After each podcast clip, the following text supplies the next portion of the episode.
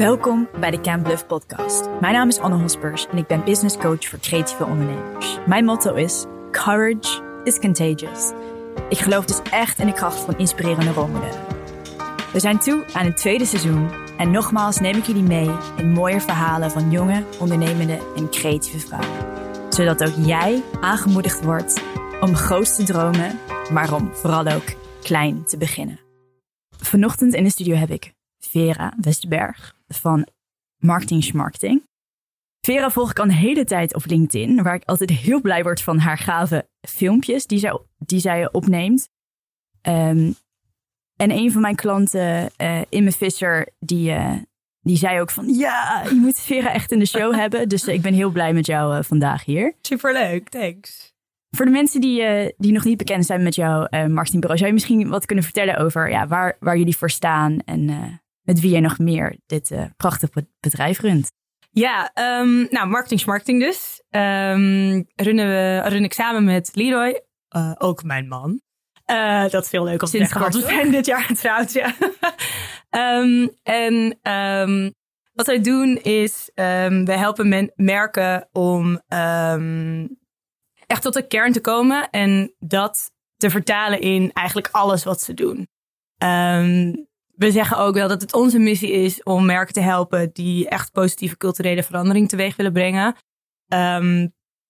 omdat we geloven dat Kijk, als merk heb je echt zo'n groot bereik. En zoveel mensen die in aanraking komen met alles wat je naar buiten brengt als merk. Um, dus daarin zit zo'n grote kans om, om de wereld een stukje mooier te maken. En vandaar ook naam marketing marketing. Kijk, leuk dat je marketinguitingen maakt, maar doe er wat mee. Je, anders is het maar marketing marketing. Um, ja, ja dus, heerlijke dus naam. Dat, dus dat zijn we aan het doen, ja. En en heb jij, ja, je bent dus nu ondernemer met, uh, met een mooie agency en daarnaast doe je nog meerdere andere gaaf projecten, hoorde ik in het voorgesprek. Hoe lang ben je eigenlijk al ondernemer? Um, met marketing marketing zijn we zo'n 2,5 jaar geleden begonnen. Voor die tijd heb ik nog een tijd gefreelanced, echt meer voor mezelf, uh, klussen opgepakt. En ja, alsnog, ik weet niet, dat zie ik dan niet echt als ondernemer zijn, maar dat slaat natuurlijk nergens op. Ik vind het heel. Ik, ik zei het ook van, oh ja, ik ga een podcast doen, uh, uh, vrouwelijk ondernemerschap. Ondernemer. Het, klinkt zo, zo'n oud woord. Soort van, ik zie echt zo'n hele oude man voor me. Dat is heel grappig. Um, maar nou ja, zo lang dus. Dat, dat is wel heel grappig dat je inderdaad dat beeld hebt bij het, uh, bij het ondernemerschap. Dus daarom identificeer ik mezelf ook meestal niet zo met dat woord. Terwijl ik, ja, het is eigenlijk best wel een leuk woord, ondernemer. Ja. Met welke woorden identificeer je jezelf wel mee? Um,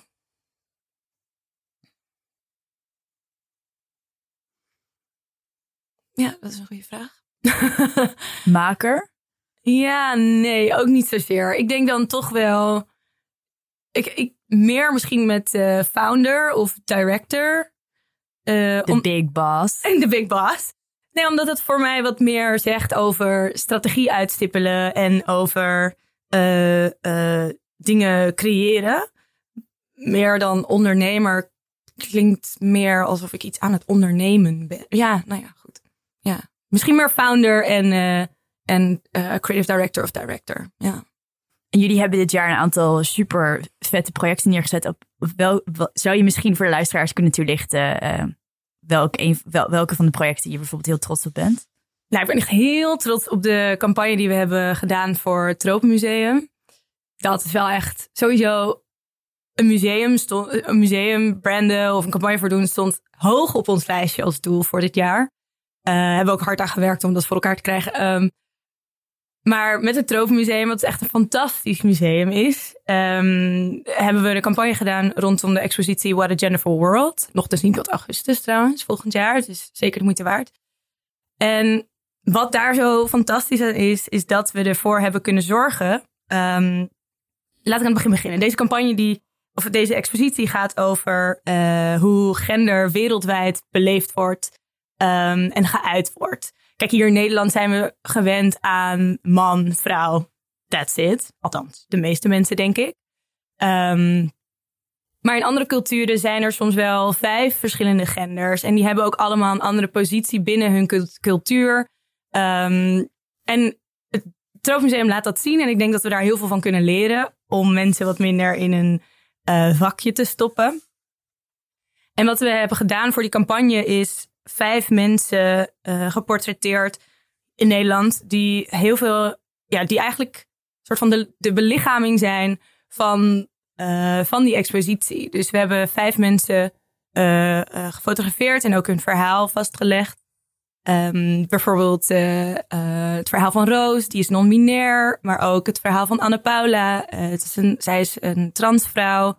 Um, ook van Ian, die een soort van de, de lijntjes helemaal niet zo ziet en die heel fluïde omgaat met zijn uh, mannelijk of vrouwelijkheid, of met zijn gender.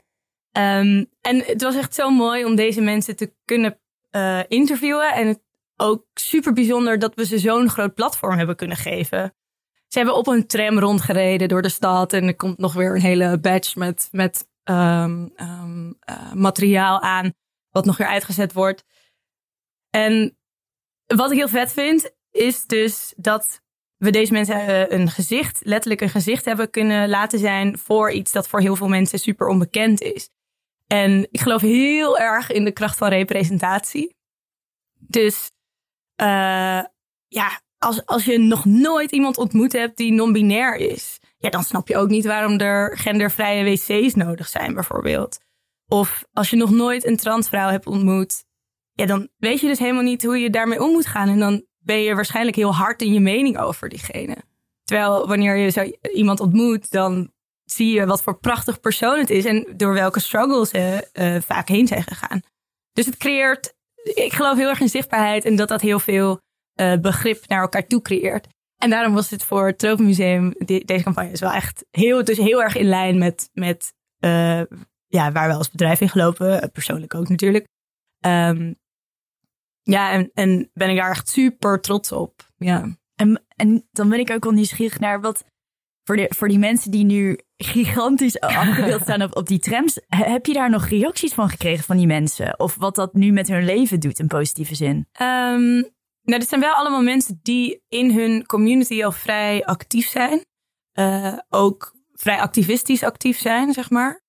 Um, maar de reacties die we van hun ook hebben teruggekregen zijn echt super positief. Ze hebben behoorlijk wat uh, aandacht uh, er rondom gekregen. Ik denk ook dat het voor een aantal van hun een hele mooie, uh, mooie platform is geweest. Bijvoorbeeld Ian heeft tijdens de museumnacht opgetreden. Um, maar bijvoorbeeld Roos, daar stond een interview mee in de Volkskrant. En dus, dus op die manier is er ook rondom hun. En zij willen hun verhaal heel graag delen. Dus zij zijn super blij met dit platform. En ze zijn ook heel blij met hoe, uh, dit, ja, hoe het resultaat geworden is, laat ik het zo zeggen. Ja. En, en voordat je verder uh, op dit project ingiet, zei we hebben hier heel hard voor gewerkt. Zou je daar misschien iets meer over kunnen vertellen? Nou ja, ik geloof wel heel erg in dat als je we, we hadden dus bijvoorbeeld museum als doel gesteld van oké, dat willen we gewoon heel graag doen, want we zien het belang in van uh, culturele instellingen en dat, uh, zoals het Tropenmuseum, is natuurlijk echt super fantastisch groot bereik. En er komen vaak mensen die al best wel met een open mind binnenkomen. Dus dat stond gewoon heel erg op ons lijstje. En om, um, nou ja, als je, als je dus iets, iets voor elkaar wil krijgen, moet je eraan werken. Want het gebeurt niet, het komt niet zomaar op je deurmat vallen, altijd zomaar. Um, dus we hebben veel werk gestoken in het leren kennen van de juiste mensen. Um, maar ook met proposals komen, meetings doen die soms helemaal nergens op uitlopen. Um, of in dit geval uh, bij Wereldculturen, waar het Troopmuseum onder valt, een meeting doen. En dan pas een jaar later uh, uh, aan het werk gaan voor ze. Dus, dus ook heel veel zaadjes geplant. Heel veel, ja. En, en niet verwachten dat het morgen meteen kan oogsten, dat je kan oogsten. Nee, nee. Misschien wel die verwachting hoop je wel. het liefst wil je natuurlijk dat het zo, oké, yes, dat gaan we meteen doen. Maar dat is gewoon meestal niet het geval. En wat heel tof is, is als je vanuit meerdere angles mensen, gewoon meerdere mensen ontmoet die uiteindelijk je naam laten vallen bij andere mensen en zo dat soort van verspreidt. Um, ja, dat heeft gewoon tijd nodig. En je moet heel erg investeren in, in je netwerk. Super belangrijk. Zonder netwerk ben je super onzichtbaar. Dus weten mensen niet dat je bestaat en waarvoor ze bij jou terecht kunnen. Ehm, dus daar hebben we zeker veel, veel tijd in gestoken om, om voor elkaar te krijgen wat we het liefst willen doen. Ja, ja ik, ben, ik ben echt een, een grote marketing, ik bedoel networking geek. Dus uh, fijn dat je dat nog even aan, aanstipt. Alsjeblieft. Hè? Ja. In het voorgesprek gaf je aan dat jij uh, dat je geboren bent in, uh, in Nijverdal, Twente. Mm -hmm. En waar ik dan toch een beetje nu ja, wat mij triggert is, uh, ja, jij bent jong, blank, hetero, maar super activistisch. Waar komt dat vandaan? Mm. Ja, waar komt dat vandaan? Nou ja, ik, ik weet niet precies waar dat precies vandaan komt. Wat ik wel weet is dat mijn moeder bijvoorbeeld zei vroeger altijd tegen mij: Veer, je moet ervoor zorgen dat, uh, dat je onafhankelijk van een man uh, uh, je leven kan gaan leiden. Dus dat je nooit uh, ja, hoeft af te wachten of er wel genoeg geld binnenkomt. Of dat je gewoon echt kan doen wat je wil. Nou, dat, dat heeft ze denk ik wel duizend keer tegen me gezegd. Dus misschien zit daar iets in. um, maar, dat, maar dat is natuurlijk één ding om het voor jezelf te willen. Ja. Maar jij zet je ook heel erg in voor, voor anderen, als ik dat zo hoor. Ja, waar Door het werk wat je precies doet. precies vandaan komt, um, weet ik ook niet helemaal, denk ik. Um, ja, ik geloof gewoon dat, dat we met z'n allen gewoon het recht hebben op hetzelfde. En als ik om me heen kijk en hoe de maatschappij nu in elkaar zit, is dat gewoon niet zo. En dat vind ik echt zo'n dikke onzin en frustrerend, um, dat ik daar heel graag wat aan wil doen.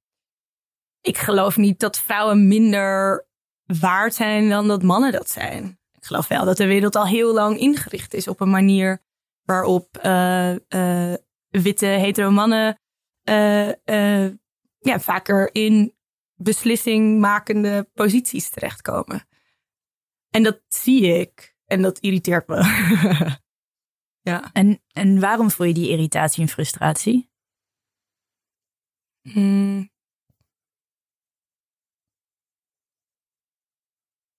Nou ja, ook als ik het dus dan op mezelf betrek. Um, ik, ik kan me heel erg irriteren aan bepaalde rollen die, die toegedicht worden aan mensen. Dus dat als je een vrouw bent, dat je heel zorgzaam bent en heel lief en heel graag kinderen wilt en dat soort dingen. Uh, en dat als je als man heel stoer moet zijn en, en um, niet je emoties snel mag tonen en dat hele haantjesgedrag. is heel generaliserend dit, maar dat is wel een soort van de brede tendens. En ik identificeer me daar niet mee, terwijl ik wel een vrouw ben. En als ik dat dan terugzie, bijvoorbeeld in films of in media of in de boeken die ik lees, dan denk ik, ja, maar zo zit ik toch niet in elkaar. Ja, dat is heel erg en bevestigend. Ja, en, Nog en, steeds. en ik weet dat heel veel mensen niet zo in elkaar zitten. Dus laten we dat wat meer opengooien om, er, om ruimte te maken voor uh, uh, een andere insteek en voor elkaar. En uiteindelijk zorgt dat voor. Uiteindelijk die diversiteit erin en die acceptatie daarin zorgt voor uh, uiteindelijk betere ideeën, zorgt voor een bepaalde menselijkheid. Um, waaruit ik geloof dat de beste ideeën ontstaan. En wat, en wat ik ook terughoor is dat jij. Dus, ja, dus dat de wereld bestaat uit verschillende soorten mensen met verschillende genders en overtuigingen. En, en dat het nu in de media eigenlijk een, ja, vaak heel rolbevestigend is. en, mhm. en vaak in twee hokjes in plaats van. Ja, Whatever hokje. Ja. Dus dat jij je daar ook hard voor maakt om veel meer te laten zien wat er allemaal zich afspeelt in de wereld eigenlijk. Ja. Qua menselijkheid. Ja, zeker. En dan inderdaad ben ik gewoon een witte hetero vrouw. Dus daarin ben ik nog super bevoor, bevoorrecht. Um, er zijn mensen die veel in een veel moeilijkere positie zitten om dat voor elkaar te krijgen, denk ik. Um, dus daarin zit een soort van bijdrage of zo, denk ik. Ja. En ik, ik had het hier ook met jou over aan het begin van... Jij bent de derde vrouw in mijn show die het bedrijf runt met haar partner. Uh, is ook fascinerend. hoe, en dit is een vraag die je waarschijnlijk elke dag krijgt, maar ik ga hem toch stellen. Hoe, hoe is het om met Leroy uh, marketing marketing te runnen? Ja, echt superleuk. Ja, hij inderdaad. luistert waarschijnlijk wel, maar... Hij luistert waarschijnlijk ja, mee. Dus ik kan niet zeggen wat... Nee, nee. Um, nee, echt superleuk. Deze vraag krijg ik inderdaad super vaak. Uh, wat ik ook heel goed begrijp, want er zijn ook echt genoeg stellen die tegen elkaar, of die dan ook tegen mij zeggen van, oh mijn god, ik moet er niet aan denken om te werken met uh, mijn partner. Um, wij waren al bij elkaar voordat we gingen samenwerken. Um, en dat is echt zo ontzettend geleidelijk gegaan. Dat is echt een heel logisch proces van het heel erg bemoeien met elkaars werk en vinden uh, uh, en elkaar aanvullen. Niet alleen maar bemoeien, maar ook aanvullen. Laten nee, zeker aanvullen. Oké, okay, uh, aanvullen.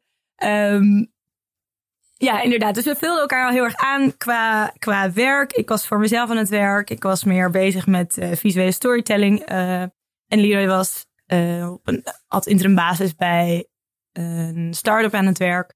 En toen daar een rebranding nodig was, toen zei hij: Oké, okay, laten we dat met Vera doen. En toen dacht ik: Ja, dit is eigenlijk wel interessant om te kijken hoe dat werkt. Um, en Leroy's achtergrond zit in de gedragspsychologie en uh, dus in, in, de linguïstiek. En mijn achtergrond zit meer in um, beeldcultuur.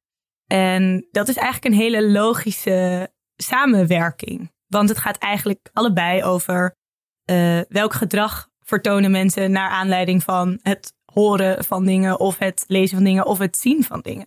Welke invloed heeft dat op mensen? En daar kwamen we dus dat wisten we wel natuurlijk van elkaar. Maar daar kwamen we, toen we aan het werk waren samen, voor het eerst. Toen kwamen we daar echt achter van, oh wow, dit is echt een vet goede combinatie. Um, maar dan krijg je natuurlijk allemaal dingen te horen als uh, nepotisme, dat verhaal. Dus zijn we, hebben we eigenlijk meteen besloten, oké, dit, dit moeten we dan samen gaan doen. En um, um, een bedrijf omheen gaan creëren. En het werkt heel goed. We vullen elkaar super goed aan. Um, soms dan zijpelt er natuurlijk hartstikke veel privé in het werk en werk in het privé. Maar ik geloof niet zo heel erg in dat dat heel rigide afgescheiden moet zijn van elkaar. En dat het elkaar, ik geloof ook heel erg dat het elkaar kan voeden. Ja, ja het, ik, ergens vind ik het een hele gekke gedachte um, dat werk en privé twee dingen zijn. Want je hebt uiteindelijk één leven. En dat vul je in op de manier waarop je denkt dat goed is of dat je uh, leuk vindt. En dat doe ik. Dus de hele dag. Dat is echt super echt niet altijd. Want soms moet je gewoon dingen doen die minder leuk zijn. Maar um, ik, dus het is echt niet dat ik om vijf uur of om zes uur of om zeven uur naar huis ga. En dan denk, nou, hoef ik nu nergens meer over na te denken. Nee, ik vind het leuk om na te denken over de dingen waar ik graag over nadenk. En dat doe ik tijdens mijn werk, maar ook privé. En het is heel leuk om met Leroy over dingen na te denken. Want we kunnen echt uren filosoferen over alles wat, zeg maar, geef een onderwerp en we gaan. Um, dus ja, dat is echt super leuk. Ja. En, en jullie zijn harde werkers, maar jullie nemen dus ook tijd voor vakantie, hoorde ik. ja. En, en gaan, zijn jullie dan ook een stel die dan allemaal culturele uitjes gaan doen? Of, of liggen jullie dan drie weken met een cocktail uh, aan het zwembad? Um, ligt er een beetje aan. Allebei. Kunnen we allebei erg goed. Um, afgelopen zomer zijn we bijvoorbeeld gaan kamperen. Ja, vet lekker. Twee weken letterlijk niets gedaan. Eten, drinken, slapen, een beetje lezen en verder niks. Um, maar we gaan nu uh, eind van het jaar op huwelijksreis, jawel, naar Sri Lanka. Dus daar gaan we natuurlijk wel echt een hele mooie rondreis maken. Maar dan bakken we ook wel genoeg relaxed tijd in om even niks te, niets te hoeven en lekker te surfen en zo. En, en dit is een thema wat me, wat, wat me raakt, dus ik, wil, ik ga er nog even dieper op in. Mm -hmm. Er zijn ondernemers die het heel lastig vinden om, om twee weken ertussenuit te gaan. Hoe kijk jij daar tegenaan? Nou, we hebben het. Um, of founders. Founders. we hebben het uh, precies, zeg maar, tijdens kerst en oud en nieuw gepland.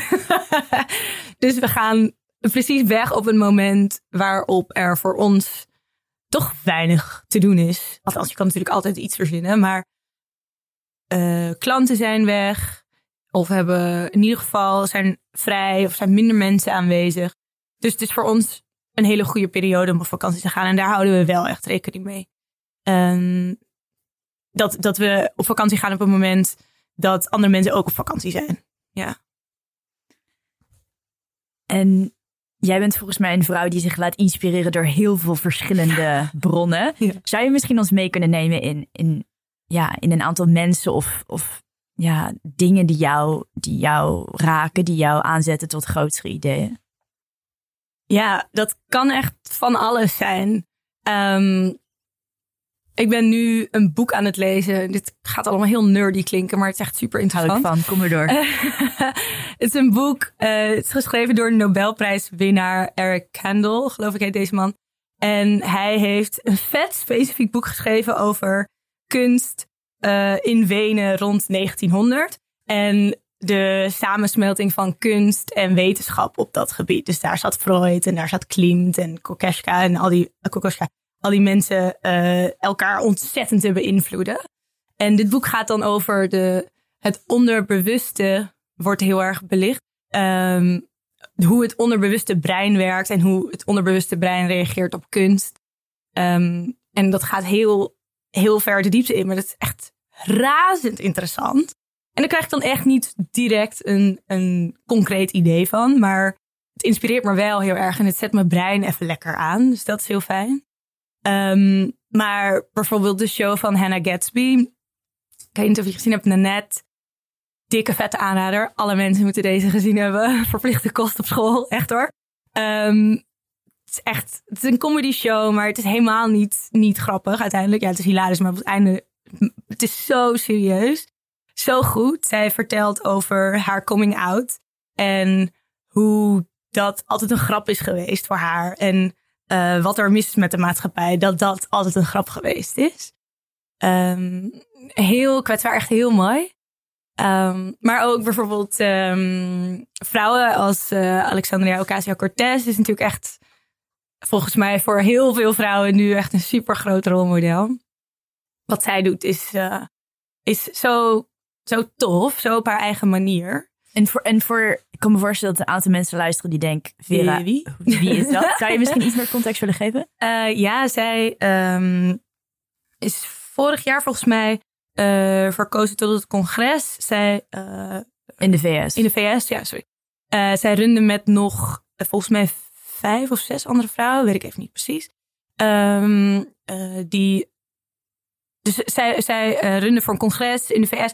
En um, wat zij doet is echt heel erg weer een soort van power to the people leggen. Van hey, hallo, wij zijn allemaal minorities.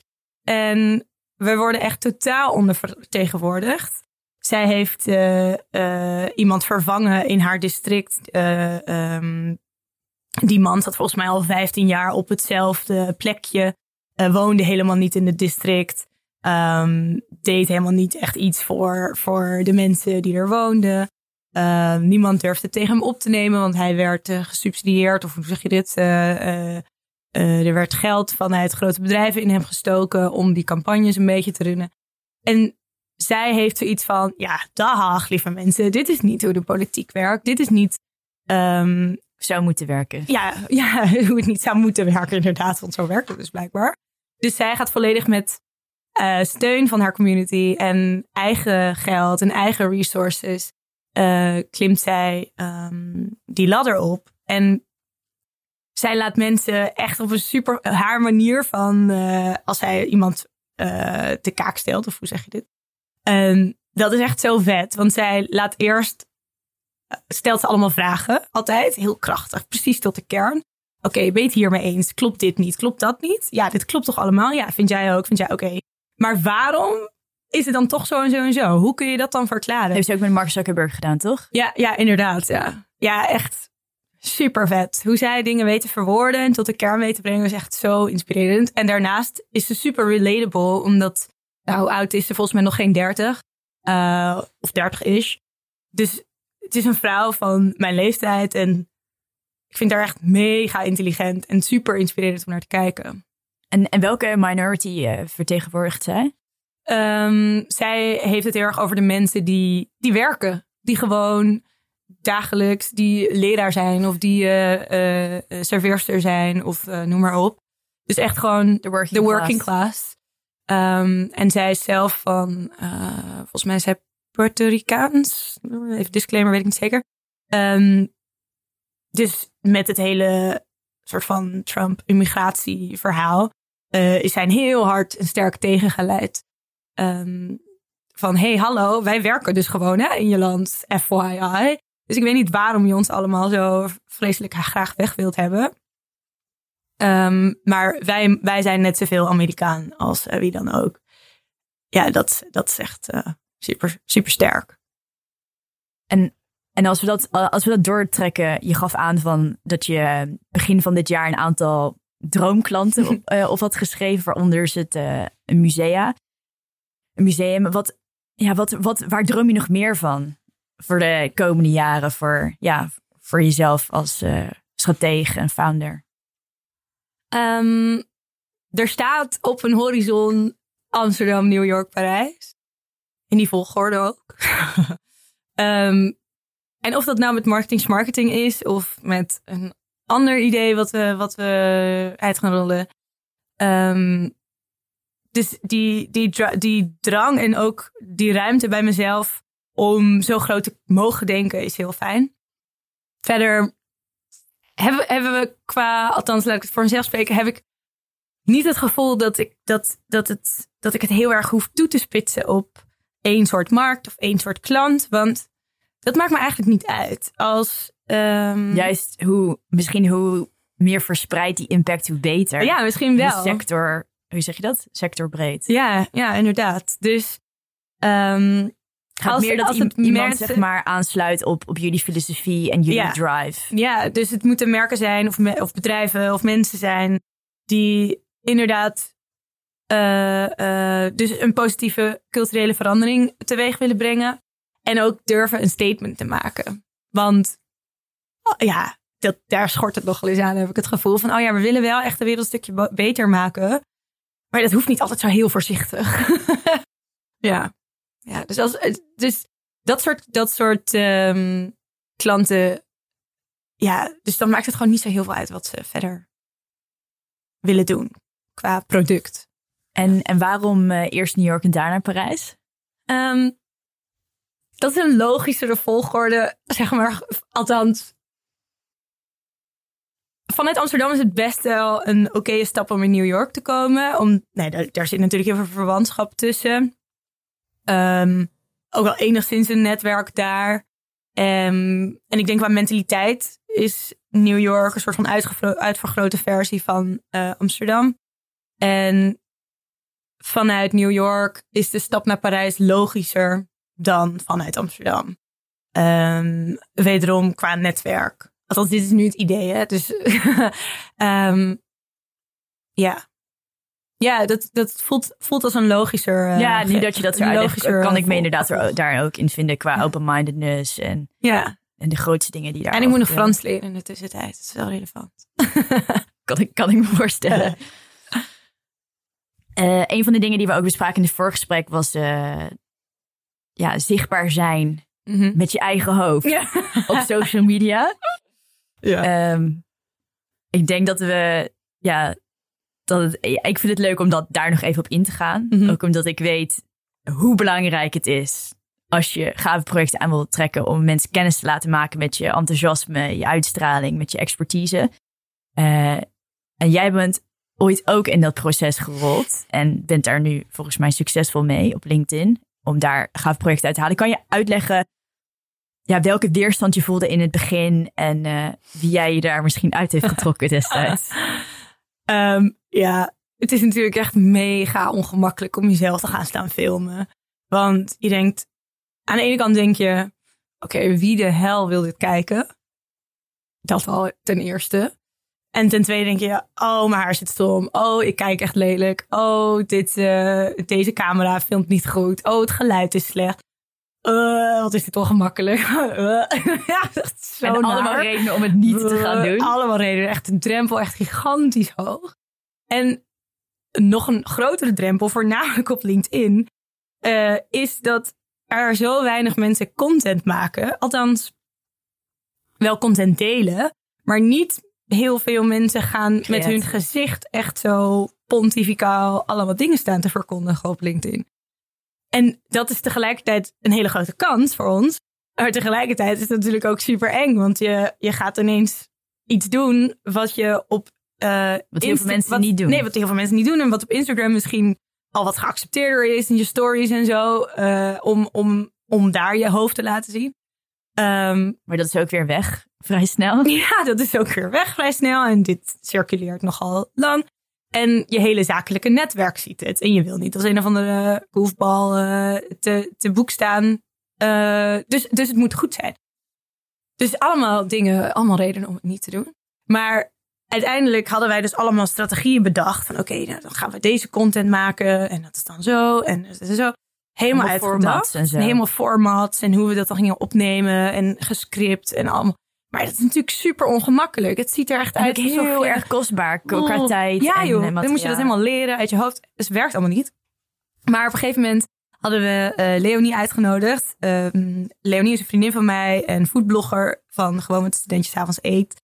En we hadden, ik had aan haar gevraagd van, oké, Leo, kun je, kun je ons helpen? Want jij hoort de hele dag tegen je telefoon en je hebt echt dikke scheid en het maakt je allemaal niet uit. Help, hoe gaan we dat doen? Dus wij allemaal onze formatjes laten zien en uitgedachte ideeën. En zij zei echt, wow, oké, jullie zijn echt gestoord. Dat zijn helemaal niet doen, joh. Je moet gewoon gaan filmen. Je moet gewoon, als je denkt, oké, nu ga ik filmen, nu vertel ik wat. Denk er niet zo lang over na. Um, je kan altijd nog besluiten om het niet te posten. Maar voornamelijk, wat je nu ook verzint, over een jaar vind je het toch waardeloos. Dus denk je toch, oh, wat was dit ongemakkelijk. Oh, wat was ik toen soort van shy voor die camera. En ik kom niet uit mijn woorden daar. Dus, dan, dus het maakt niet uit wat je erop zegt. Je gaat het toch wel haten op een gegeven moment. Of haten is een hard woord. Um, maar je vindt het toch wel weer een keer stom. Dus toen dachten we, oké, ja, ja, dat is wel een goed punt. Maar wat gaan we dan nu doen? Maar uiteindelijk waren we um, uh, in januari op de modefabriek. En daar dachten we, oké, dit is wel een relaxte sfeer. Hier kunnen we onszelf gewoon filmen. We kunnen van alles vinden. Um, helemaal prima. Dus toen hebben we die halve middag gefilmd.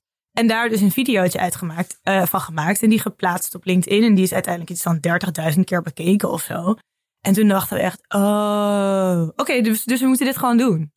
Nou, oké, prima. Toen hebben we nog wel alsnog een aantal formats uitgedacht die we nu wel weer heel erg loslaten. Dus het is ook een beetje zo, het fluctueert een beetje. Um, maar het is uiteindelijk ook heel leuk om te doen. Mensen die kennen je. Ik stond laatst in de kroeg. Dan komt iemand naar je toe. hey, ik uh, ken jou van die video's van LinkedIn. En ik dacht, oh mijn god, wat erg. maar tegelijkertijd ook heel leuk. Ik krijg echt heel veel leuke reacties. Ja, daarom zit je hier ook vandaag. Nou, kijk aan. Dat bedoel ik.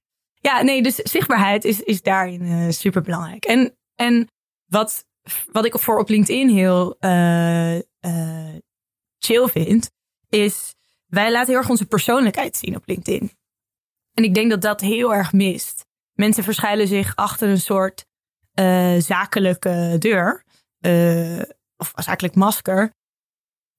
Wat natuurlijk heel logisch is aan de ene kant. Want als je bij een bedrijf werkt, denk je, ja, maar kan ik dit wel zeggen? Is dit wel goed? Uh, maar zo maak je geen baas hier wat van. Maak je geen contact. En um, dus, dus persoonlijkheid op LinkedIn is net zo belangrijk. Uiteindelijk is LinkedIn net zo'n platform als Instagram. Je scrolt en je wil zien, iets zien waardoor je geengaged bent. Of je geengaged voelt. En dat gebeurt pas wanneer mensen een persoonlijke connectie met je proberen te maken. Of het moet esthetisch heel mooi zijn of zo. Maar dat, weet je, op LinkedIn heb, heb je in principe diezelfde behoeftes. Behalve dat je niet zo erg gevoed wordt daarin. Ja, dat is grappig. Ik heb daar een hele LinkedIn-cursus over gegeven. Oh. Met elf vrouwen vorige maand. Ja. Oh, goed, omdat, omdat, ja. Ja. omdat ik ook geloof van... Ja, LinkedIn is ook algoritme technisch ook een heerlijk platform. Ja, dat weten jullie natuurlijk ook. Ja. Dat sommige video's gewoon uh, drie weken lang leven. Ja, het is niet normaal. Omdat, je, omdat LinkedIn zo ingericht is dat je niet alleen maar ziet wat je volgers, uh, wat je, nee. wat, uh, ja, wat de mensen die je volgen ja, delen. Het tweede en derde netwerk ziet ook al je Dus het gaat content. gewoon de wereld over. Ja, het is echt geweldig. Ja. Superleuk. Dus daar maken we ook gretig gebruik van. Ja. En, en iets, iets waar ik nog even op, op, op terug wil, ik ga even een sprongetje maken, is je gaf aan dat je je moeder je dood heeft gegooid met become uh, independent woman. Ja. Wat, wat heb je nog meer vanuit, uh, vanuit huis meegekregen vroeger, waar je, waar je trots op bent? Wat je nu echt ja, bij je draagt? Um, Mm, ik denk ook ehm, eh, iets van, oké, als je wil dat je als je iets voor elkaar wil krijgen, dan moet je zorgen dat je het voor elkaar krijgt. Komt je niet aanwaaien. Ehm, dus hard werken voor, voor datgene wat je wil eh, doen. En ook iets van, eh, ehm, ja, ik mocht ook echt doen wat ik wilde doen. Dus op een gegeven moment zei ik, oké, ik wil dan heel graag naar Amfi. En voor die tijd wilde ik fotograaf worden en een, een modeontwerper en weet ik veel wat allemaal. En dat vonden ze allemaal helemaal, helemaal prima.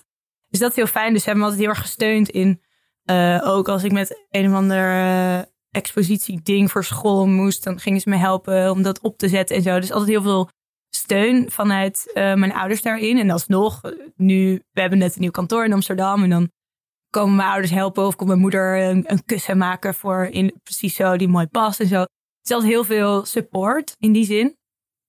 Um, uh, maar inderdaad, ja, hard werken voor, voor als je iets voor elkaar wil krijgen. En, en, wat, is, zeker, en wat is hard werken? Mm, nou, ik denk dat het een. Voor... Of, want volgens mij, als ik jou zo hoor, is het ook wel slim werken. ja, het is ook wel slim werken, ja.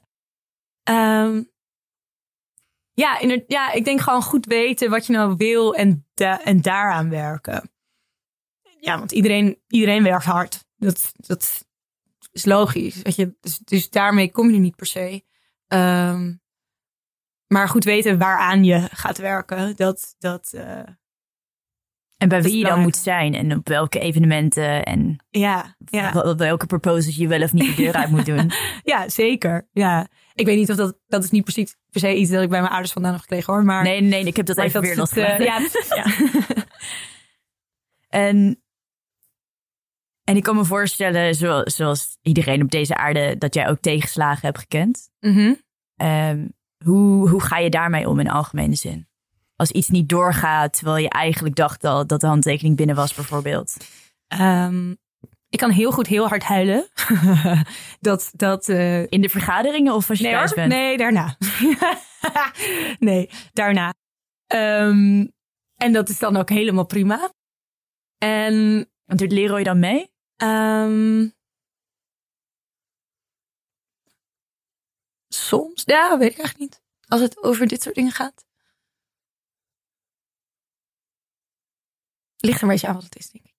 Um, maar in ieder geval wel even heel hard balen en heel hard gewoon het toelaten. Schelden en vloeken en dat. Zeker. Ja, maar dat ik, ik ben best een explosief en vaak misschien ook wel een beetje explosief persoon. Um, dat klinkt meteen heel negatief, maar uh, ik, er zit heel weinig tussen mijn gevoel en wat ik eruit knal. Dus uh, ja, dus dat komt er allemaal wel uit. Dat, dat moet ook, anders dan word ik soort van bedoel, helemaal gek. ja. Ja, en verder um, probeer ik regelmatig uh, uh, uh, te mediteren. Dat lukt echt niet altijd, maar die, die gewoonte probeer ik mezelf wel. en dan met of zonder appje? met appje. Ik kan het ook zonder appje, maar ik vind het wel heel makkelijk met appje. um, en ik box twee keer per week. Dus lekker. Dat, gaat zo lekker. En ik doe Kan yoga. explosie dat is zo'n chille combinatie. Dus inderdaad, tijdens, soms tijdens boksen merk ik ook echt van... Uh, ik heb echt allemaal dingen opgekropt en dan moet ik er echt doorheen slaan. En dat klinkt allemaal heel therapeutisch, maar dat is wel echt zo. Je moet echt door, over soort van door... Want anders gaat het in je lichaam zitten. Anders voel je het in je lijf. Dat is echt super gek hoe dat werkt. Maar uh, inderdaad, dan voel je het hele en word helemaal zo, je armen lopen dan helemaal zo vol of zo. Dus dan moet je er echt doorheen en dan lucht het ook wel op. En soms lukt dat ook voor geen meter. En dan loop ik die, die zaal uit en denk, nou, oké, okay, lekker dan. Maar meestal gaat het wel goed. Um, ja, en lekker yoga ook als balans daarin tegen. Om af en toe even een beetje oh, dat te doen. en je gaf aan dat jij en Leroy uh, elkaar goed aanvullen. Wat, wat leer je van hem als um, persoon? Oh, als, ja, oké. Okay. Uh, Leroy kan echt heel gro groot denken. Dat is echt heel leuk. En kan heel um, makkelijk um, voorbij alles wat ook maar een probleem zou kunnen zijn denken. Dus denkt heel erg in mogelijkheden, altijd. En soms dan wil ik gewoon nog even een beetje zo zitten van ja, maar dit probleem. En dan zegt hij, ja, maar we kunnen toch. Oké, dat weten we al dat dat een probleem is. Maar nu gaan we nadenken over wat we, wat we voorbij al die problemen willen. Of wat we voorbij, voorbij al die problemen kunnen doen. En dat is echt super uh, leerzaam. Want ik, ik ben best wel iemand die heel realistisch kan kijken naar de situatie zoals die is. Um, maar klinkt dat een mooie synergie. Ja, maar af en toe heb je gewoon die balans daar heel erg in nodig. En dat, dat is wel heel, um, heel tof. En wat ook leuk is, is dat uh, Leroy is ook heel communicatief handig. Dus um, zeg maar veel dingen die ik qua communicatie heel onbewust deed, uh, heeft hij mij heel bewust van gemaakt. En uh, weet ik nu bewust in te zetten. En dat is, dat is heel, uh, dat is heel leuk. En, en ik heb zijn communicatiepatronen ook heel erg door nu en zo. Dat, dat is super grappig. En zou je, zou je misschien een voorbeeld kunnen geven?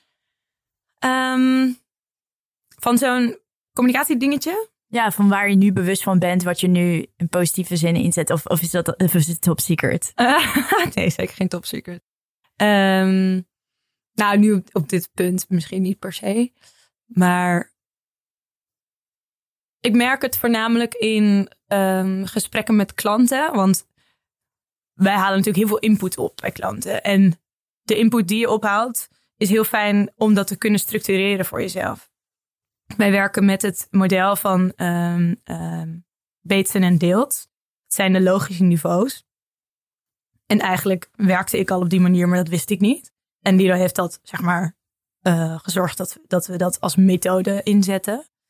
En alles wat klanten aan ons geven, ja, dat, dat kan ik nu in die, het is een piramide, kan ik in de piramide indelen. Dus in, bijvoorbeeld als iemand zegt, um, ik vind het belangrijk om uh, samen te werken. Dan is dat een waarde, samenwerken. En um, daarboven, want je wil altijd naar boven in een gesprek, um, kan diegene bijvoorbeeld vinden, heeft hij bijvoorbeeld een visie van, laat ik even iets noemen. Uh, uh, Oké, nou, uh, laten we iets verzinnen als... Oké, ik vind dat, dat alle mensen gelijke behandeling zouden moeten krijgen. Oké. Um, en dan een waarde is dan samenwerken. Dus dat is een soort van ground rule, hoe diegene gelooft daar te kunnen komen. En mensen die zijn zich heel vaak heel onbewust van de dingen die ze zeggen. En daarom hebben ze vaak ook moeite om hun uh, merkverhaal te structureren. En wordt het vaak heel erg een productgefocust verhaal, of wordt het een beetje een blob aan informatie of uh, uh, en visie door elkaar. Dat die priorisering ook niet ja, nee. helder is. En wat. Um, de verbanden ook. Ja, zeker. En wat leuk is dat ik dat nu. Dat, ja, dat, dat we het gewoon structureren is.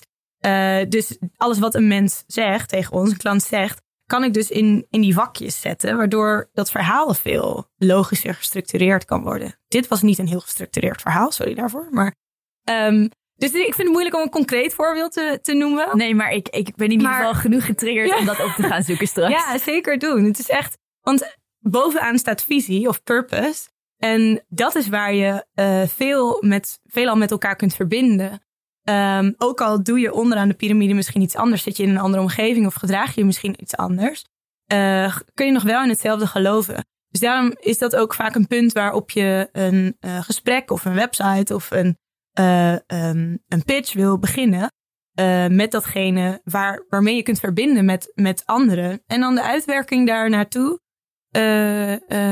kun je dan stap voor stap mensen in meenemen. En, dat, en, en ik heb ook jullie raam voorbij zien komen op, ah, ja. ja dat, dat, dat is daar dan een goed voorbeeld ja, van. Ja, zeker, zeker. Grappig. Ja, klopt. En ja, als deze vraag die stel ik eigenlijk nu standaard, het tweede, mm tweede seizoen. Dus die ga ik ook nu aan jou stellen om het, om het door te zetten. Mm. Als jij uh, fictief gezien 10 miljoen uh, zou krijgen om, uh, ja, om te investeren. Mm -hmm. Wat, ja, wat, zou je je leven dan anders in gaan richten? Um, waarschijnlijk wel iets wat. Volgens mij meer mensen aannemen hoorde ik Ja. in het vorige gesprek. dat sowieso. En ehm, ja, voorna- voornamelijk meer mensen aannemen. En eh, ik denk zorg voor meer zichtbaarheid. Ehm, en we, hebben, we zijn bezig om een eh tech-startup op te zetten. En daarvoor is een investering natuurlijk echt super welkom. Dus waarschijnlijk zou die 10 miljoen vooral naar bedrijven gaan, ja. En je, je geeft dus aan van ja, het zou heerlijk zijn om, om je, jouw team verder uit te breiden. Wa- Waar, waar zit dat verlangen in ehm, ja, om die uitbreiding door te gaan voeren? Waarom, waarom voel je die, die noodzaak of dat, ja, die Hm. drive? Ehm, ik wil heel graag dat marketing smarketing groeit en dat het een op zichzelf staand bedrijf wordt. Ehm, want Wat wij, betekent dat? Uh, Ja, nou ja, wij met z'n tweeën kunnen maar zoveel doen. En we hebben nu een ehm, vrij steady basis van freelancers om ons heen. Wat echt super fijn is. Maar voor mij, ik zou graag nog meer de grote lijnen uitzetten. En de ideeën verzinnen. En de conceptuele ideeën verzinnen. eh, ontwikkelen, moet ik zeggen. Ehm, en soms dan word je heel, heel erg caught up in eh, een soort van daily doings. Wat aan de ene kant heel goed is en leuk, maar om meer die, die, die, ehm, dat overzicht te kunnen bewaken, zorgt er bij mij voor dat mijn brein meer ruimte heeft voor nieuwe ideeën. En uiteindelijk vind ik dat zelf het allerleukst. En Daar zit ook jouw genius. daar zit mijn genius. Nice. en los daarvan vind ik het super leuk om met mensen te werken. Ik geloof heel erg in de kracht van co-creatie. Ehm, Samenwerken. samenwerken. ja, oh, leuk, ja. Ehm, omdat dat zorgt voor nieuwe invalshoeken en iedereen brengt weer iets eh, aan de tafel, waardoor, ehm, waardoor het beter wordt of mooier. Of, eh, eh, en iedereen brengt weer wat, wat nieuws mee. Dus ook daarom geloof ik dat, eh, dat ons team daarin heel erg kan groeien. Ehm, en verder geloof ik ook dat we dan meer merken kunnen helpen, meer bedrijven kunnen opzetten en ehm, die impact kunnen vergroten die we willen maken. En heb je ook al nagedacht over je recruitmentbeleid om te zorgen dat je een, diverse groep voor je hebt werken straks? Ehm, ik moet zeggen dat ik daar nog niet heel bewust over heb nagedacht als eh, hoe, hoe we daar eh, voor gaan zorgen. Ehm, maar dat is wel een goeie, ja. Nee, nog niet bewust gedacht, oké, hoe gaan we mensen eh, recruiten? Practice what you preach. Ja, zeker. Ja, super belangrijk. lijkt me heel interessant inderdaad om voor jullie om dat ja om ook ja, dat proces ja. helemaal uit te diepen. Van, ja. ja. ja, nu zit het echt, eh, eh, zeg maar qua freelancers, is het enigszins divers waarmee we werken.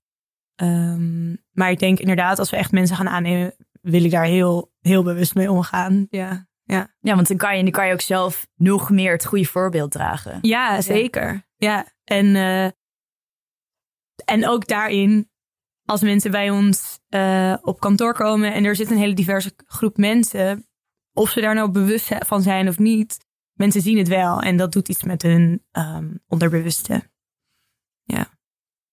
Nice. En,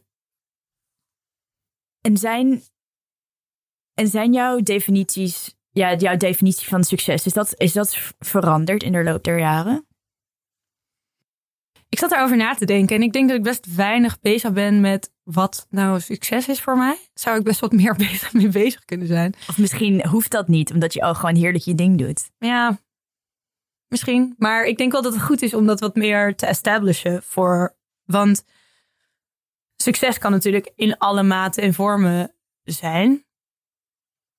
En ik denk dat ik voor mezelf niet heel helder heb wanneer ik mezelf succesvol vind. Want dat is nu nog niet zo. Ehm jawel, denk het wel. Maar kan ook nog succesvoller. Snap je? Dus ik heb die definitie niet heel goed gedefinieerd voor mezelf. Dat nou, wel ik heb volgens mij nu al een paar eh, zaadjes geplant voor je. Een paar dingen te Lekker stellen. wel, ja. En bijvoorbeeld dat, dat boek wat je, wat je omschreef over uh, de combinatie tussen uh, het onderbewuste en, en kunst en uh, van de, zeg maar de, de grote, grote meesters. Hoe, hoe kom je in aanraking met zo'n boek? Heeft iemand dat getipt of valt het uit de kast bij de bibliotheek? Of? ja, het is ook vet random eigenlijk. Nee, ik las, in dit geval las ik een interview met ik denk Ben van Berkel. Dat is um, de oprichter van UN Studio, architect. Onder andere bekend van de Erasmusbrug en museum, of, uh, het Centraal Station van Arnhem. Um, wij doen altijd superveel onderzoek als wij een uh, concept gaan uh, maken voor een klant. Um, we zoeken altijd naar de waarden waar wat dan, zeg maar, de waarden die uit zo'n sessie komen of uit sessies komen die gaan we onderzoeken op een manier dat we gaan kijken naar, oké, wie heeft deze waarde nog eerder of eerder weten te vertalen? In kunst, in architectuur, in, nou, noem maar op, in film. En um, voor een concept kwam uh, het werk van Ben van Berkel erbij. En dan duik ik daar graag helemaal in. Ik vind ook architectuur super interessant, omdat het heel erg met mensen te maken heeft. Um, en hij, uh, hij tipte dit boek als een soort van meesterwerk. Toen dacht ik, ja, dan moet ik dit boek lezen. Ik vind Ben van Berkel een held. Uh, hij zegt dat dit boek fantastisch is. Nou, dan ga ik het lezen. En dan weet ik al dat het echt een dikke pil is waar ik echt behoorlijk mijn best voor moet gaan doen. Maar dat heb ik er dan voor over. Want blijkbaar, als iemand in een interview één boek noemt, en dat is het boek, heeft het bepaalde relevantie. En wat ik, wat, wat ik, wat ik terughoor, is dat jij uh, ook in het voorgesprek zei je van ik ben echt een denker en daar geniet ik van. En nu heb je het over onderzoek en dat, je daar, dat jullie daar als bureau echt de tijd voor nemen. Wat, ik vaak heb uh, wat, ik vaak heb gehoord van uh, reclamemakers, uh, die zeggen van... ja, we moeten even zo 1, 2, 3 idee verzinnen en dan moeten we dat uitvoeren. Mm. Maar als ik, als ik jou zo hoor, pakken jullie dat op een andere manier aan. En ik vraag me af, um, ja, kan ik dit het beste formuleren? Maar hoe, ja, hoe gun je jezelf um, ja, de ruimte voor onderzoek in, in, in een tijd waarin alles toch wel heel snel moet opgeleverd worden. Is dat iets wat je echt vooraf communiceert? Qua expectation management? Zeker. Van, ja, als jullie ja. ons inhuren, dan betaal je gewoon voor drie weken onderzoek. Zeg maar. ja. ja, want um, ik ben heel erg gewend om veel onderzoek te doen uh, vanuit mijn opleiding. En anders krijg je gewoon platte dingen krijg je dingen die er mooi uitzien of leuk of nu wel even hip zijn. Of maar dus geen diepgang geen diepgang. En, en als je mensen met mensen wil verbinden, dan moet je diepgang toevoegen.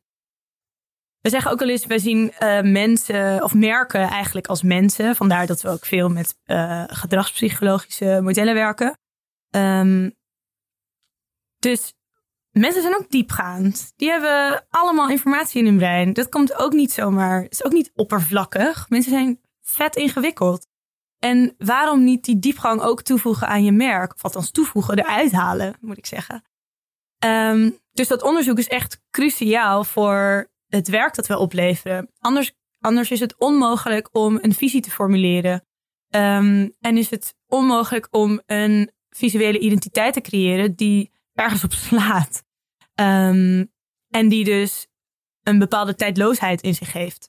Omdat het juist vanuit de kern komt van een, um, van een merk of van degene die een bedrijf opzet. En krijg, krijgen jullie daar wel eens pushback op? Dat mensen zeggen, nou, kan dat niet uh, twee weken korter? Dat deel van het ehm, proces? In het begin wel, maar dan communiceerden wij dat zelf gewoon niet goed genoeg. Nu is het gewoon zo. Wat fijn. Ja, maar het, het, kan ook niet anders. Ik zou niet weten hoe, hoe, ik dan mijn werk zou moeten doen. Ik kan me voorstellen dat, dat als, als dat deel er niet meer in zou zitten, dat, dat jij ook stuk zou gaan. Zeker. Maar dan zou het me ook geen ene klap interesseren. Want dan, wat ben je dan aan het doen? Ben je iets moois aan het maken? Ja, dat is wel echt heel saai. Ja, dat is superleuk. Esthetiek is echt vet belangrijk. Want het zorgt als voor. Als onderdeel van. Als onderdeel van. Want het zorgt ervoor dat mensen ergens doorgegrepen worden in eerste instantie. Of iets, iets aantrekkelijk vinden. Uh, maar het is niet het einddoel of zo om uh, alles maar heel mooi te laten zijn. Nee, het gaat juist om die inhoud. Anders dan, dan nee, dan verveelt het me echt heel snel. Ja. Uh, stel dat jij uh, volgende week gevraagd zou worden, even uitgaan dat je daar de tijd voor had, om een, een gastcollege te geven op een middelbare school. Oh, leuk. Met een onderwerp naar keuze. Oh, wauw. Um, ik kan me voorstellen dat je 101 dingen zou, zou, zou kunnen, kunnen bedenken om uh, over te hebben. Maar wat, wat, is bijvoorbeeld, wat is het eerste wat naar boven komt over wat je dan in dat uur uh, die jonge mensen mee zou willen geven, de nieuwe generatie? Mm, uh, ik denk dat dat heel erg gaat over acceptatie. En acceptatie van elkaar en ruimte geven aan elkaar en voornamelijk aan jezelf. Um, en over. Mag dit allemaal in één keer wel? Ja, zeker. Kom maar door. Kom maar door. En mensen bewust maken van de bepaalde constructs waar we in leven. Um, zeg van, zie het maar even. Alvast. Dat gaat je echt vet veel moeite schelen. Niet alles is zoals je denkt dat het nu is. Dat is niet per se waar. Dus dat ze allemaal met exploderende hoofden naar buiten lopen. dat zou wel fijn zijn, ja. Ja, ik merk dat zelf gewoon heel erg in de mensen met, wie, met wie ik spreek, maar ook voor mezelf. Dat je soms af en weet je, soms ineens kan denken: oh, ik heb dit altijd zo gezien, maar nu ik het zo zie, oh mijn god, wat geeft me dit veel ruimte? En oh, dus ik hoef het niet zo te pinpointen. Er is gewoon ruimte voor alles wat ik maar wil en doe. En dat kan allemaal gewoon. Duizenden in mogelijkheden. Niet restrained. Oh, dus je bent deze persoon, dus je moet je zo gedragen. Nee, je kan letterlijk doen waar je zin in hebt. En als mensen dat een beetje ingewikkeld vinden, dat is vaak juist het snijvlak waarop het een beetje interessant wordt. En dit is misschien een beetje een vraag waar je misschien helemaal niet bij stil hebt gestaan nog. Maar wat, wat, en wat voor werkvormen zou je dat dan gieten? Hoe bedoel je? Maar je kan, je kan een, een PowerPoint-presentatie geven. Of je kan ze zeg maar met elkaar bepaalde dingen laten ervaren. Dat het bijna een oh, soort van performance ja, wordt. Sowieso, sowieso fysiek. Ja, ja. Want uh, in je hele fysieke lijf zit zoveel ongemak. Ook wat je vertelde vanuit boksen bijvoorbeeld. Ja, nee, zeker. En uh, ik denk dat je ook door bepaalde oefeningen te kunnen doen heel erg bewust kan zijn van de plekken waarop andere mensen zich begeven. En je eigen ruimte daarin kunt vinden. Um, nou ben ik niet iemand die dit soort dingen per se weet of hoe dat precies uh, in zijn werk zou gaan. Maar om het lichamelijk te maken, uh, ga je ook meteen uit je hoofd. Ja, maar wel waar dan mensen onderdeel van zijn. Het is heel vaag dit. Het is ik, een van de gasten die ik twee weken geleden in de studio had, haar aflevering staat nog niet online, maar zij is dramatherapeut. Oh, cool. Maar zij, zij is ook, het is even een side note, ja. is dat zij ook bezig is met relatiecoaching door middel van dramatherapie. Vet. Dus dat zij als therapeut dan bijvoorbeeld dan Leroy zou zijn. Ja, en dan hem uitbeeldt en ja, super interessant. Vet interessant, want er zit mega veel, ja, wat ik zei, er, zo, er zit zoveel veel ongemakkelijkheid altijd in je kwetsbaar opstellen. En vooral als je jong bent. En uh, zelfs al moet je in een andere huid kruipen of zo, dan ben je alsnog vaak een soort van, uh, dan ga je maar gek doen of uh, gekke sprongen maken. Terwijl daar echt duizend kilometer in te winnen is. Als je dat ongemak wat minder voelt, dan accepteer je dus automatisch jezelf een stuk meer. Ja. En dus daarmee ook anderen. Ja. En je hebt, je hebt goed uitgelegd ja, waar jullie voor staan in marketing marketing. En, maar ik ben eigenlijk nog benieuwd, heb jij zelf een persoonlijke mantra of levensmotto? Meer als Vera en haar geheel? Um, nou ja, niet, ik, ik denk niet per se een mantra-achtig ding, maar uh, dingen. Er zijn twee dingen die ik regelmatig zeg. En het ene is uh, alles of niet. Dus ja, als je het dan niet echt van plan is om te doen, doe het dan ook niet. Weet je, bespaar jezelf de moeite. Of ga er echt vol voor. Uh, dus dat, dat, dat zegt het wel aardig, denk ik. En uh, het andere ding wat ik vaak zeg is vaak uh, met een soort intonatie van verbazing. Van kijk nou even waar je naar kijkt. Van wees even bewust van wat er om je heen gebeurt soms dan zijn dingen zo een soort van achterloos. En als je er even bij stilstaat. En vaak gaat dit over iets visueels of zo. Wat, wat ik dan. Ik zie je ook helemaal met Lero in een museum oh, staan. God. Liegen, kijk eens waar je kent. Ja, maar ook op straat of gewoon als ik iets zie op het maakt niet uit. Dit, dit is wel een uitroep die ik vaak eh, eh, gebruik. Omdat, omdat ik echt denk dat 9 van de 10 mensen echt niet bewust is van datgene wat er om zich heen gebeurt. Terwijl, ja, het heeft zo vet veel invloed op hoe je zelf denkt. Eh, altijd maar klakkeloos aannemen dat datgene om je heen gebeurt, dat dat wat om je heen gebeurt waar is, of dat dat mooi is, of, of dat dat goed is, of whatever. Uh, is zo makkelijk. Ja, en dat is natuurlijk ook heel comfortabel, maar als ik een campagne zie, of zelfs met die hele Zwarte Piet discussie, denk ik echt, ja, maar lieve mensen, kijk nou even waar je naar kijkt. Je, je, dat is toch letterlijk het enige. Je hoeft toch alleen maar even goed te kijken waar je naar kijkt. En daar even jezelf van uh, enigszins van los te koppelen. Gewoon vrij objectief. In hoeverre dat dan kan. Ja. Is dat ook de reden waarom jij mediteert? Om bewuster te zijn van waar je naar kijkt? Um, in even de breedste zin. Ja. um, ja, want ik kan heel hard doorrennen. En alles of niet. Ja, nou ja, snap je? Dat dus. Dus die balans zit hem daar wel heel erg in. Dat, dat mediteren zorgt ervoor dat ik bijvoorbeeld weer even bewust ben dat ik ademhaal en zo. En dat kan ik heel makkelijk vergeten. En dan af en toe heel hoog in mijn ademhaling zitten of uh, me vet gestrest voelen zonder reden. En dan denk ik, oh ja, oh ja ik moet gewoon weer eventjes een beetje meditatie uh, in mijn daily doings vouwen. Of uh, weer wat meer gaan yoga of zo. Dan haal ik tenminste af en toe een beetje adem. En dan ja, ben ik wat bewuster van mezelf ook. Dat, dat is ook wel handig. ja. En, en voor de mensen die, uh, die meer willen weten over jou en jouw bedrijven, hmm. waar, waar ben jij te vinden online? Um, voornamelijk uh, op LinkedIn. Nou, dat is niet waar trouwens. Ik ben ook op Instagram. Uh, daar ben ik niet mega actief. Maar dus voornamelijk op Instagram en LinkedIn. En um, gewoon onder mijn eigen naam, Vera Westenberg. En Marketing Marketing kun je ook volgen op LinkedIn en op Instagram. Ja, basically. Nou mensen, noteer dat allemaal goed.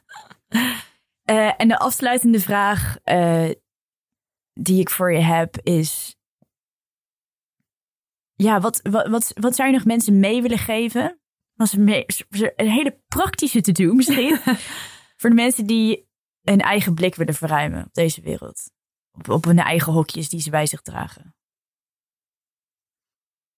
Um, oh, nou, iets heel praktisch wat je zou kunnen doen, denk ik, is um, um, af en toe te associëren. Dus als jij, uh, nou ja, rondom anything eigenlijk. Ik doe dit heel veel. Dat is echt heel leuk. Want daarmee verruim je heel erg uh, uh, je brein. Dus stel je neemt één onderwerp. Misschien uh, Gender for World. Ja. Maar dus dat thema kunnen we misschien even pakken. Ja, bijvoorbeeld. Dus stel je, je wil daar rondom... Want stel je denkt, oké... Okay, ja, ik heb daar niet zoveel mee. Of ja, maar het is toch gewoon man en vrouw. Of je vindt juist dat al die hokjes. Maar het is heel fijn om nou eigenlijk... Soms is het heel fijn om te weten wat je nou echt vindt. Of te onderzoeken. Dat, dat onderzoeken in ieder geval. Um, dus bijvoorbeeld door uh, gender op te schrijven op een groot A3-vel en daaromheen te gaan denken. Waar moet je allemaal aan denken? Dus misschien moet je wel aan man-vrouw denken. Misschien moet je wel aan de NS denken met beste reizigers. En misschien moet je wel denken aan, uh, uh, weet ik veel, de HEMA. Pride. Misschien moet je aan de HEMA denken. En als je daar omheen ook weer gaat denken, dan creëer je dus een heel groot soort van map. Even uh, voor je. Waardoor je heel makkelijk verbanden kan leggen tussen dingen. Oh, dus, dus ik, ik vind man-vrouw een soort van construct. Dat, dat klopt wel aardig. Uh, maar nu ik hier omheen heb geassocieerd, snap ik beter waar dat vandaan komt. Of zie ik uh, wat beter um, welke mensen hier ook mee bezig zijn. Of ja. Om je echt je blik te verruimen. Ja, en dan kan dat heel goed vanuit jezelf. En sowieso, misschien is het voorafgaand van die associaties wel interessant om een beetje onderzoek te doen. Door even in een onderwerp te duiken en dan gaan mappen van oké, wat vind ik hier nou van? En waar moet ik allemaal aan denken? Wat heb ik geleerd en welke dingen zijn daarin belangrijk? Ehm, ja, dus even inzichtelijk maken wat jij nou eigenlijk allemaal denkt. Ja. Mooi, daar wil ik graag mee afsluiten. Alright. Heel erg bedankt voor je tijd. Uh, ik ga nog even zeggen dat ik had Vera hiervoor nog nooit ontmoet. Dus voor mij is het een hele eer om je vandaag in de studio te hebben gehad. Superleuk om hier te zijn, dankjewel. Ja, bedankt. Dank voor het luisteren naar een aflevering van de Can Bluff podcast. Mijn naam is Anne Hospers. Ik zou het superleuk vinden als je je abonneert op dit tweede seizoen, zodat je nog meer afleveringen kan luisteren van jonge, inspirerende en creatieve vrouwen. Je kunt Can Bluff volgen op Instagram en de hashtag Can Podcast gebruiken om uitgelicht te worden in mijn socials. Tot de volgende aflevering.